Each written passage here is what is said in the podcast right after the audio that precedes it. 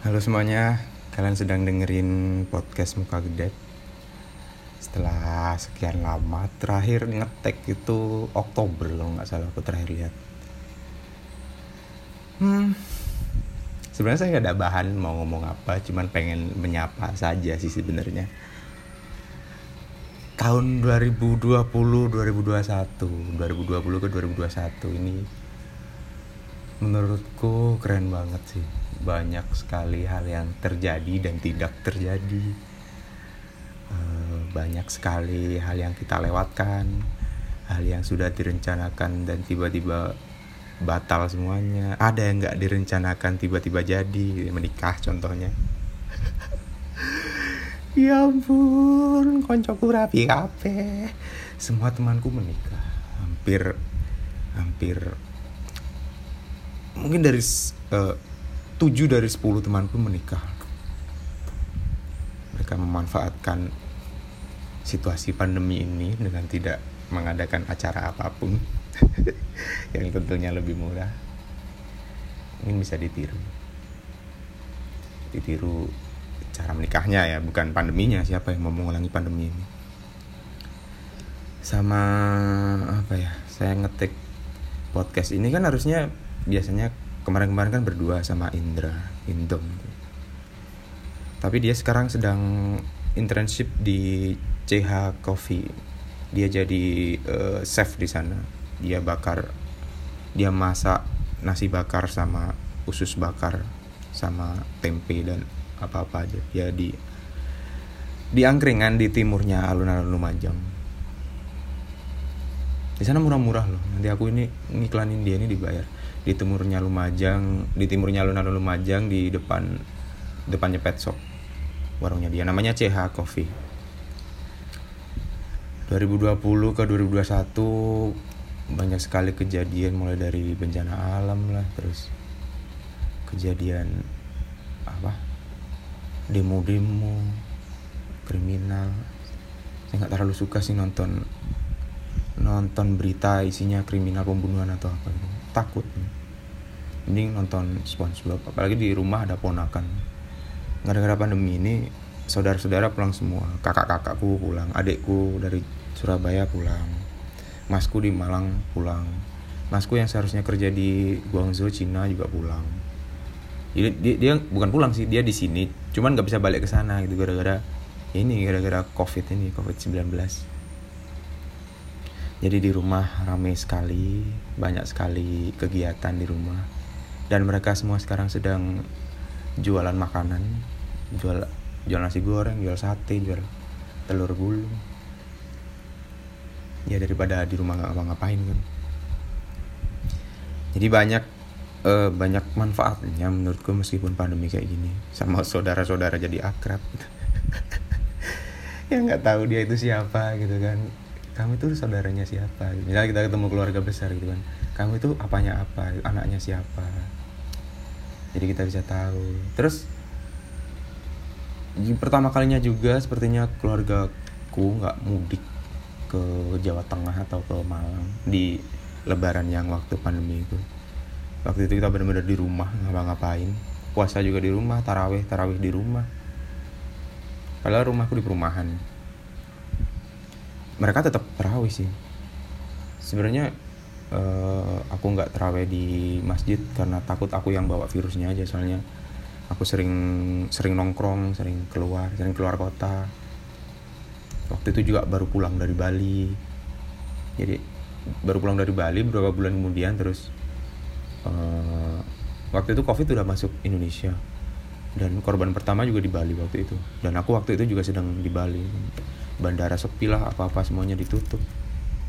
Serem banget yang pertama itu kayak di mana mana sepi. Cuman uh, gara-gara pandemi ini juga sama tetangga-tetangga jadi akrab gitu. Jadi kita sering nongkrong-nongkrong di depan rumah buat ini kan dulu awal-awal kita pandemi ini kan disuruh caring.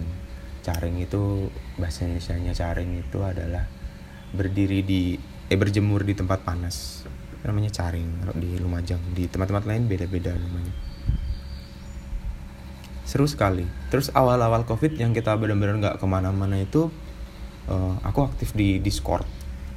Discord itu ya platform sama sosial media cuman dia bentuknya chat gitu kan. Dia bisa bikin grup-grup gitu dan bisa voice chat bisa ngobrol di sana.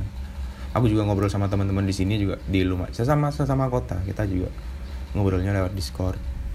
Terus aku juga apa jalan-jalan. Kalau di Discord itu nama grupnya itu sebutannya server. Jadi kayak kita main-main ke grup lain itu namanya kita main-main ke server lain. Aku ketemu orang ini ketemu orang ini. Rata-rata gamer sih yang di Discord itu. Ada mbak-mbak cewek-cewek juga main game semuanya. Gamenya berat-berat gamenya jago-jago lagi. Ada yang main Dota jago. Waktu pandemi awal-awal pandemi itu aku juga sering banget main Dota karena apa ya killing time kamu nggak bisa keluar. Jadi satu-satunya hiburan ya main game di rumah sama teman-teman yang itu online gitu kan. Jadi kita tetap connected gitu. 2020 juga hmm, membingungkan kan. Karena banyak sekali eh, rencana-rencana kita yang harusnya terjadi di tahun ini akhirnya kita tunda buat tahun berikutnya terus yang sedih-sedih juga kayak uh, teman-temanku ada yang di cut dari kerjaannya terus ada yang kehilangan pekerjaannya karena pandemi ini karena uh,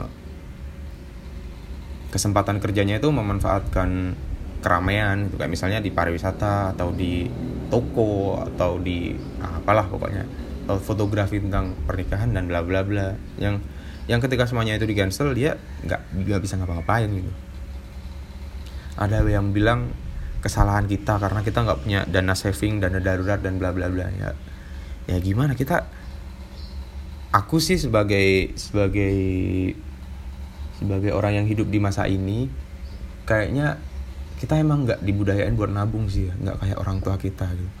Orang tua kita itu meskipun anggaplah pemasukannya sedikit cuman mereka tabungannya banyak gitu. Tapi kalau anak-anak muda seperti kita yang sekarang kayak nggak punya tabungan nggak kepikiran sih kayak gitu. Tapi setelah kejadian ini aku jadi punya pikiran buat kita harus punya tabungan buat dana darurat kayak gitu. Jadi ketika kita nggak punya pemasukan ada dana yang bisa kita pakai. So far tentang pandemi ini cukup menyedihkan dan menyenangkan.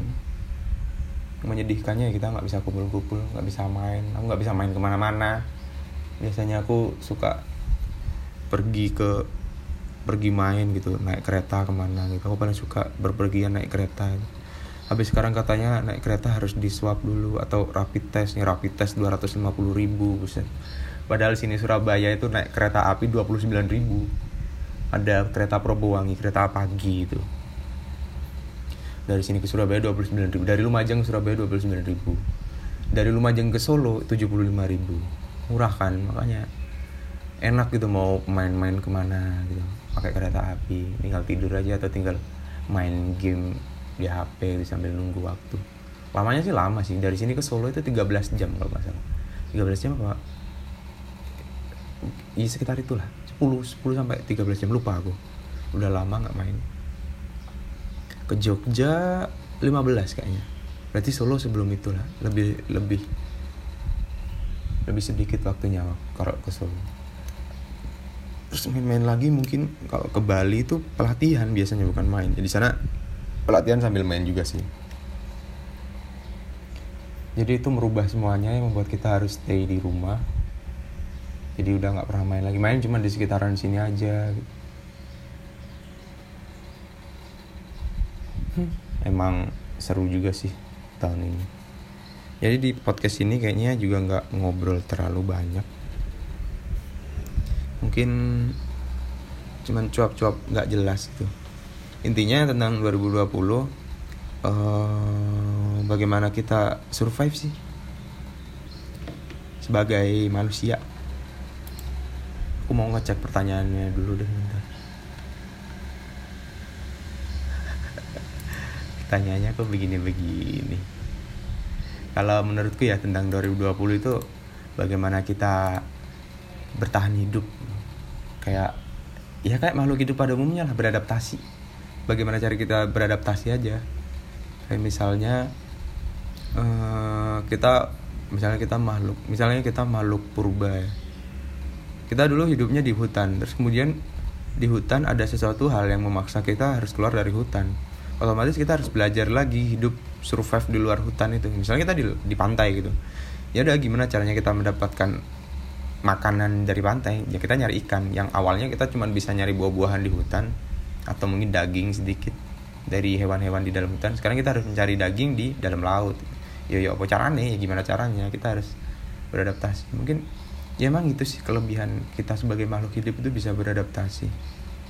Ya eh, pandemi ini salah satu contohnya sih. Jadi setelah ada kejadian kayak gini ya gimana kita beradaptasi berikutnya? Yang biasanya kita kerja ini terus kita di di cut kita diberhentikan dari kerjaan itu ya gimana lagi caranya kita bisa bertahan hidup di masa seperti ini?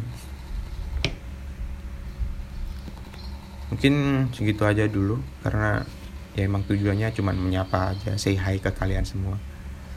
Oh ya kalau kalian nanya kenapa nggak pernah bikin konten nggak pernah bikin komik komiknya yang kemarin-kemarin terbengkalai? Karena uh, sibuk sama kerjaan soalnya kerjaannya gambar juga aku gambar komik ilustrator gitu kan di Fiverr sering aku bilang. Jadi waktu yang aku gunakan di studio aku pakai buat gambar aja. Jadi kalaupun aku sempat buat gambar komik emang lagi disempet sempetin gambar komik aja. Makanya komik-komik kemarin yang series itu uh, ke pending semuanya. Aku pengen nyelesain sih sebenarnya. Harus harus selesai lah. Masa nggak selesai? Kalau jalan berkonten karena uh, udah lelah sih kayaknya aku udah udah putus asa buat terkenal. Kan tujuan tujuan awalnya buat bikin komik kan biar terkenal. Maksudnya biar karakterku itu dikenal banyak orang tapi kemudian apa ya algoritma algoritma sosial media itu aneh gitu menurutku. Mereka tuh uh, suka hal-hal yang viral gitu. Sedangkan aku pengen bikin komik gambar komik suka-suka aku. Makanya aku nggak terkenal terkenal follower juga nggak sampai seribu baru 900an mau seribu nggak nyampe padahal aku kalau udah seribu yay satu k gitu. Nggak nyampe seribu nggak pernah notol belas nggak tahu. Jadi 900an ya nggak apa-apa lah. Aku memilih tanggung jawab 950 orang. Itu mendapatkan informasi dari muka gede. Semua informasi yang dikeluarkan di muka, muka gede punya tanggung jawab kepada 950 orang itu jadi itulah kenapa aku juga juga udah jarang upload upload di muka gede gitu. Di IG pribadiku juga mungkin foto-foto apa gitu udah enggak kalau dulu aku suka bikin video ini video kayak masak-masak di hutan gitu kan. Masak-masak di outdoor gitu. Ini sekarang udah jarang juga aku juga jarang main karena di sini juga udah mulai musim hujan terus teman-temanku juga udah pada mulai sibuk semua. Aku juga mau ngedit buat bikin kontennya juga udah udah males gitu karena makan waktu kita pergi ke tempat main kan. Pergi ke tempat buat bakar-bakar itu. Pergi ke sana naik motor ngeng. Terus di sana bakar-bakar pulang sore. Terus kamu ngerjain orderannya kapan? Jadi emang harus menyempatkan waktu kalau emang aku mau pergi buat bakar-bakar dan bikin konten itu. Mungkin nunggu orderan selalu atau udah udah beres beberapa gitu jadi bisa dipending buat liburan.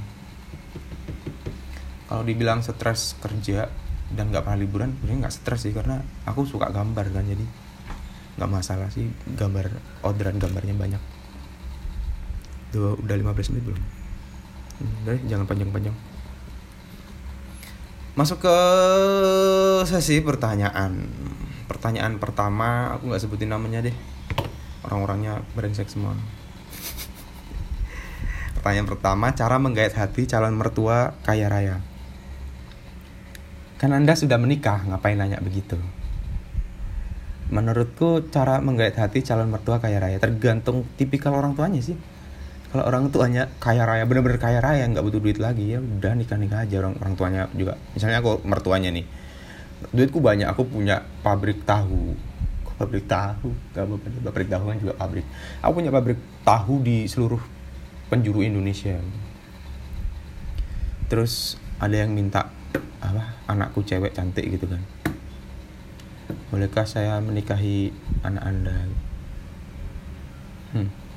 aku bakal nanya kesungguhan dia buat uh, buat merawat si anakku ini gitu. kalau masalah duit ya apa cari aku lah. Apa kata aku lah. Kan aku duitnya banyak gitu kan.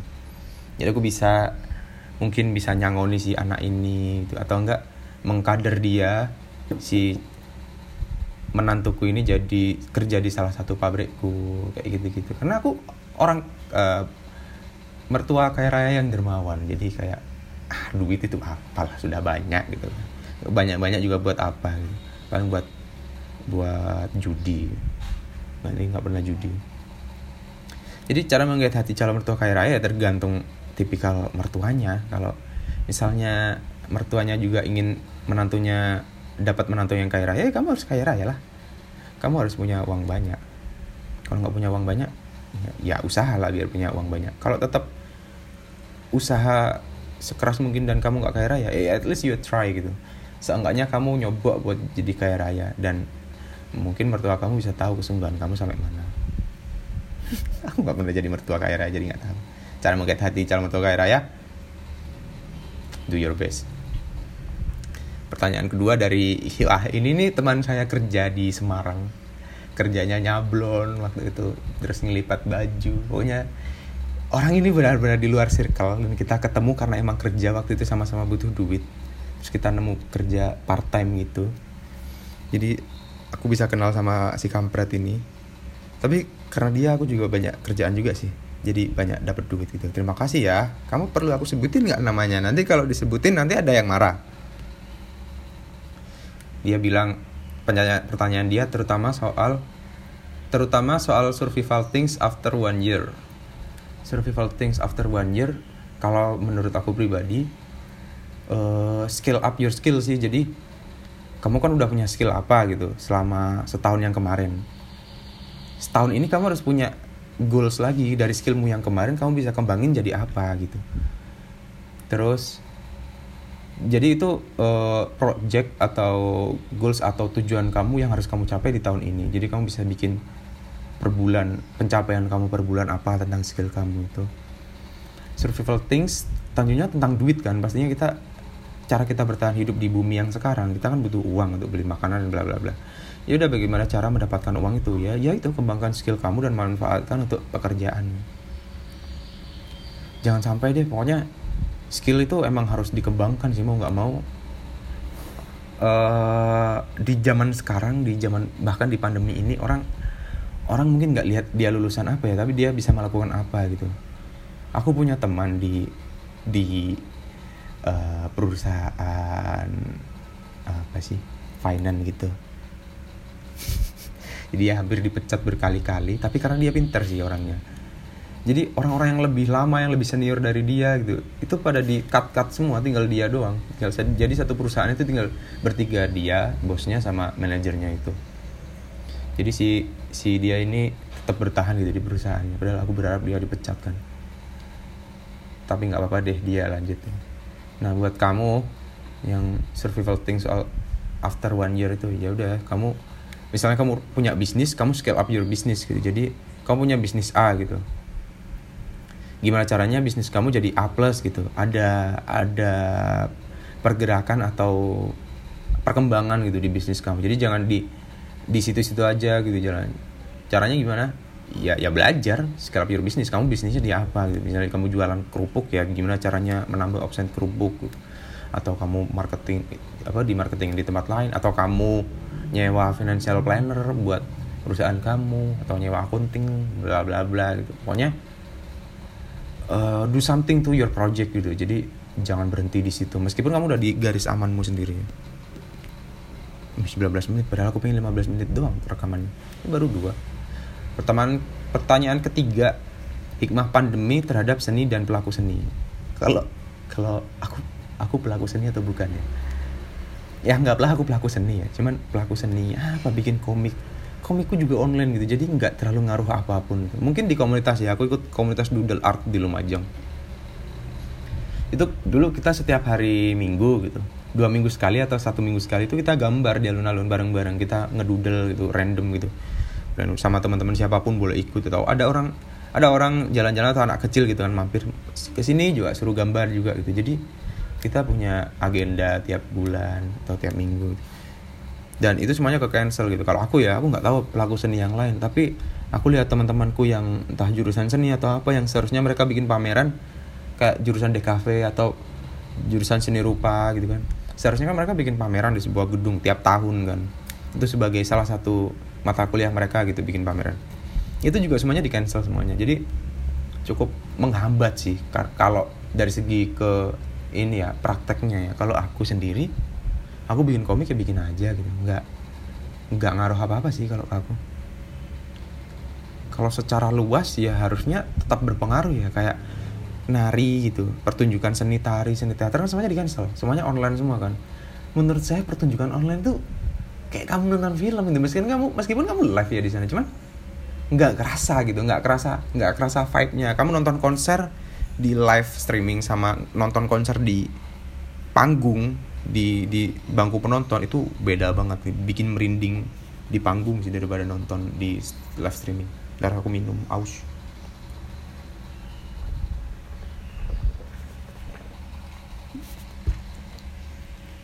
Jadi uh, hikmah pandemi terhadap seni dan pelaku seni mungkin hikmahnya apa ya? Nggak tahu hikmahnya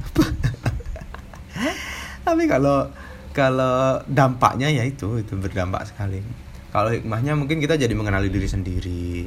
Kita bisa uh, ber bermeditasi tentang kesenian kita ilmu seni kita air seni kita. Pipis dong. Itulah nggak tahu aku.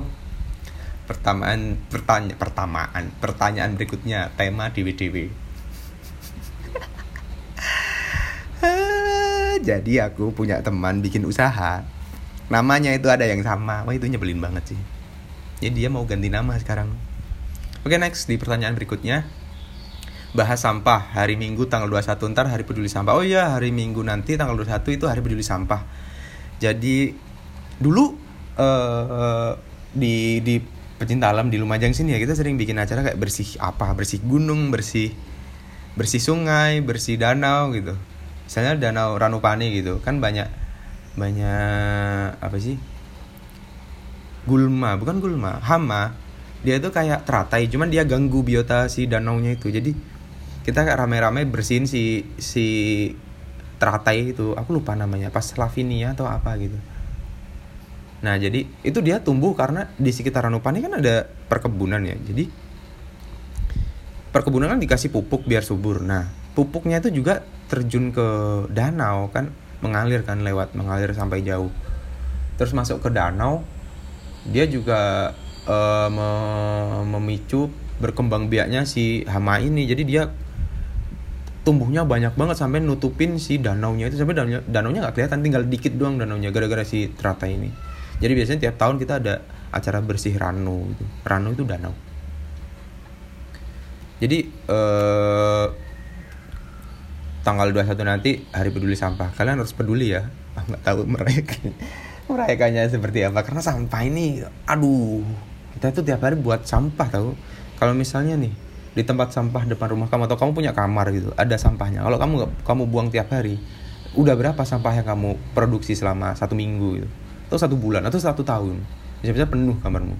Terus ke mana semua sampah itu? Jadi buang ada tempat pembuangan sampah gitu tapi aku nggak tahu di sana diolah lagi atau enggak kalau menurutku ya sampah itu di dikumpulin satu dunia lalu di dimasukin ke dalam roket terus kita terbangkan kita bakar ke matahari. Jadi kan di sana kebakar kan di sana kan. Terus mereka jadi hancur gitu. Kalau di di di bumi kita bakar kan sampahnya kita polusi udara. Misalnya kita bakar sampah plastik kan plastiknya tetap jadi plastik toh nggak nggak hilang plastiknya. Cuman dia berubah jadi zat lain aja gitu. Nah kalau misalnya kita buang keluar angkasa pakai roket ya kita urunan lah satu dunia gitu kan. Urunan iuran urunan itu iuran.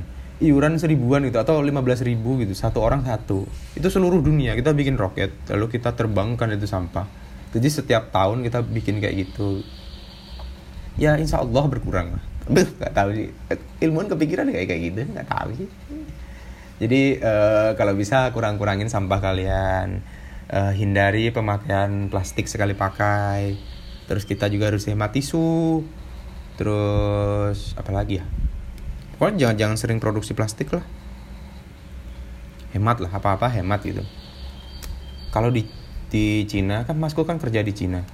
Itu di setiap uh, public facility itu kayak misalnya keran air ya. Keran air itu ada tulisannya hemat apa untuk anak cucu kita gitu. Jadi mereka tuh kepikiran buat menghemat air. Air kan banyak banget ya. Tapi digituin sama pemerintahnya itu. Di hotel kan. Kakak kan kerja di hotel sama istrinya. Digituin semuanya gitu. Jadi kayak misalnya ambil tisu di atas kotak tisunya tuh ada tulisannya hemat untuk anak cucu kita kan. Tisu tisu kan dari kertas kertas kan dari pohon. Jadi kayak gitu. Jadi kita hemat lah. Pertanyaan berikutnya bahas tentang omongan tentang omongan tetangga aku nggak peduli sih sama omongan tetangga. Aku apatis sih di RT jadi kalau ada kumpul-kumpul RT nggak pernah ikut.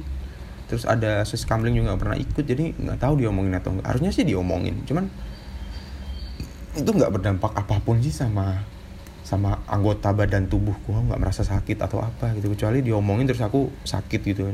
Atau disantet gitu. Itu baru bermasalah. Kalau cuma diomongin tuh itu lulusan undip nggak kerja. Kerjanya cuma gambar-gambar nggak jelas banget nih penghasilan apa? Motor trail penampilan kayak orang mau motong pohon sengon. Jadi aku nggak peduli sih. As long as it's not hurt myself. Jadi aku nggak masalah sama itu semua. Kalau hurt buat apa? Aku merasa sakit sakit hati enggak sih. Nggak ngaruh juga. Pertanyaan berikutnya tema covid dari sudut pandang seniman. Udah tadi ya udah dibahas. Kalau ya kalau dari aku nggak nggak dampak apa-apa. Cuman buat banyak orang yang berlaku di bidang seni kayak seni musik seni teater seni pertunjukan lah intinya. Kan mereka jadi nggak bisa menunjukkan. Menunjukkannya kan jadinya online kan kayak streaming gitu. Ya itu mengurangi rasa seninya itu sendiri sih menurutku ya. Pertanyaan berikutnya suka duka menjadi artis. Kalau pas pure aku jadi komikusnya muka gede dan belum dapat duit dari situ banyak dukanya sih. Kalau sukanya kita suka kan kita di dipuji orang tentang gambar kita tentang cerita yang kita bikin orang bisa terharu orang bisa suka sama cerita kita itu menurutku menyenangkan gitu. Orang suka dengan apa yang kita bikin itu menyenangkan. Kalau dukanya ya karena sometimes ya kalau menurutku aku sendiri waktu itu jadi artis itu nggak ada duitnya. Kita cuman uh, mengutamakan kesenangan orang lain aja. Jadi kita bikin karya buat orang lain sebenarnya bikin karya buat diri sendiri cuman kan disukai orang lain kan. Tapi uh, dampaknya ke kita itu apa gitu kan. Nah itu yang jadi yang jadi pertimbanganku juga kayak uh, membuat sebuah karya itu takes time.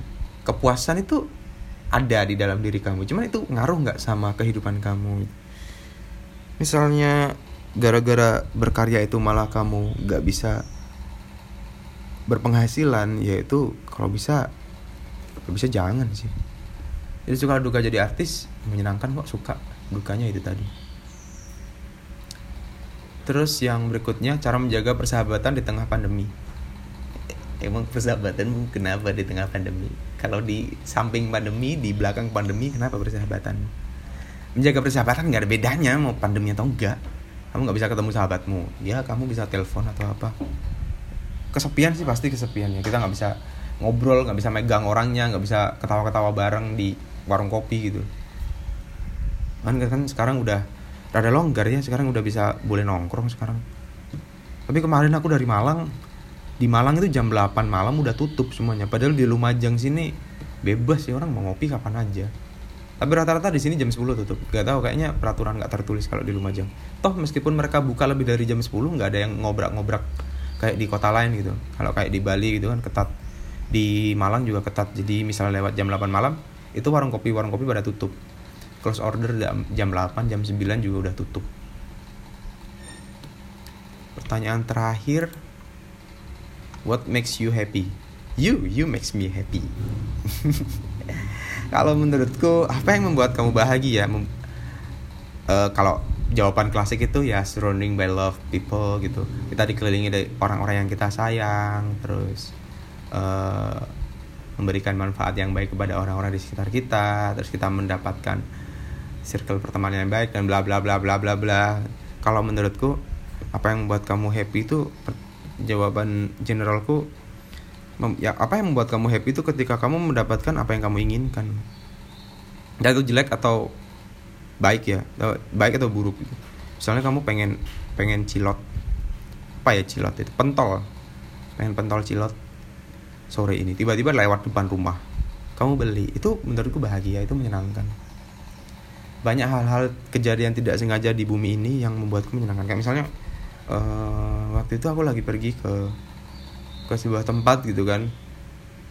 Tempat itu kayaknya enak banget buat mainan hamok hamok itu yang dicantolin di pohon itu loh yang buat bisa buat tidur tiduran waktu itu aku bawa aku bawa Vespa.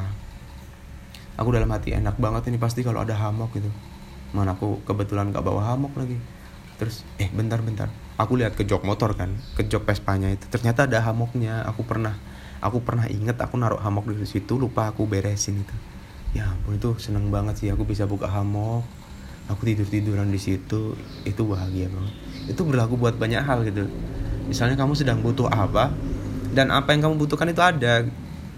Jadi aku nggak pernah menyanyiakan hal itu sih. Jadi ketika kamu dikasih apa ya kamu kamu nikmatin hal itu. Itu membuatku happy sekali. Kamu juga membuatku happy. Itu aja sih untuk hari ini. Ya ampun setengah jam padahal aku pengen 15 menit biar nggak bosan kalian. Itu aja yang bisa aku sampaikan di siang hari ini. Di sini masih pagi masih jam 9 pagi. Selamat pagi buat kita semua. Selamat beraktivitas dan semoga kalian selalu diberi kesehatan. Jangan lupa senyum. Dah.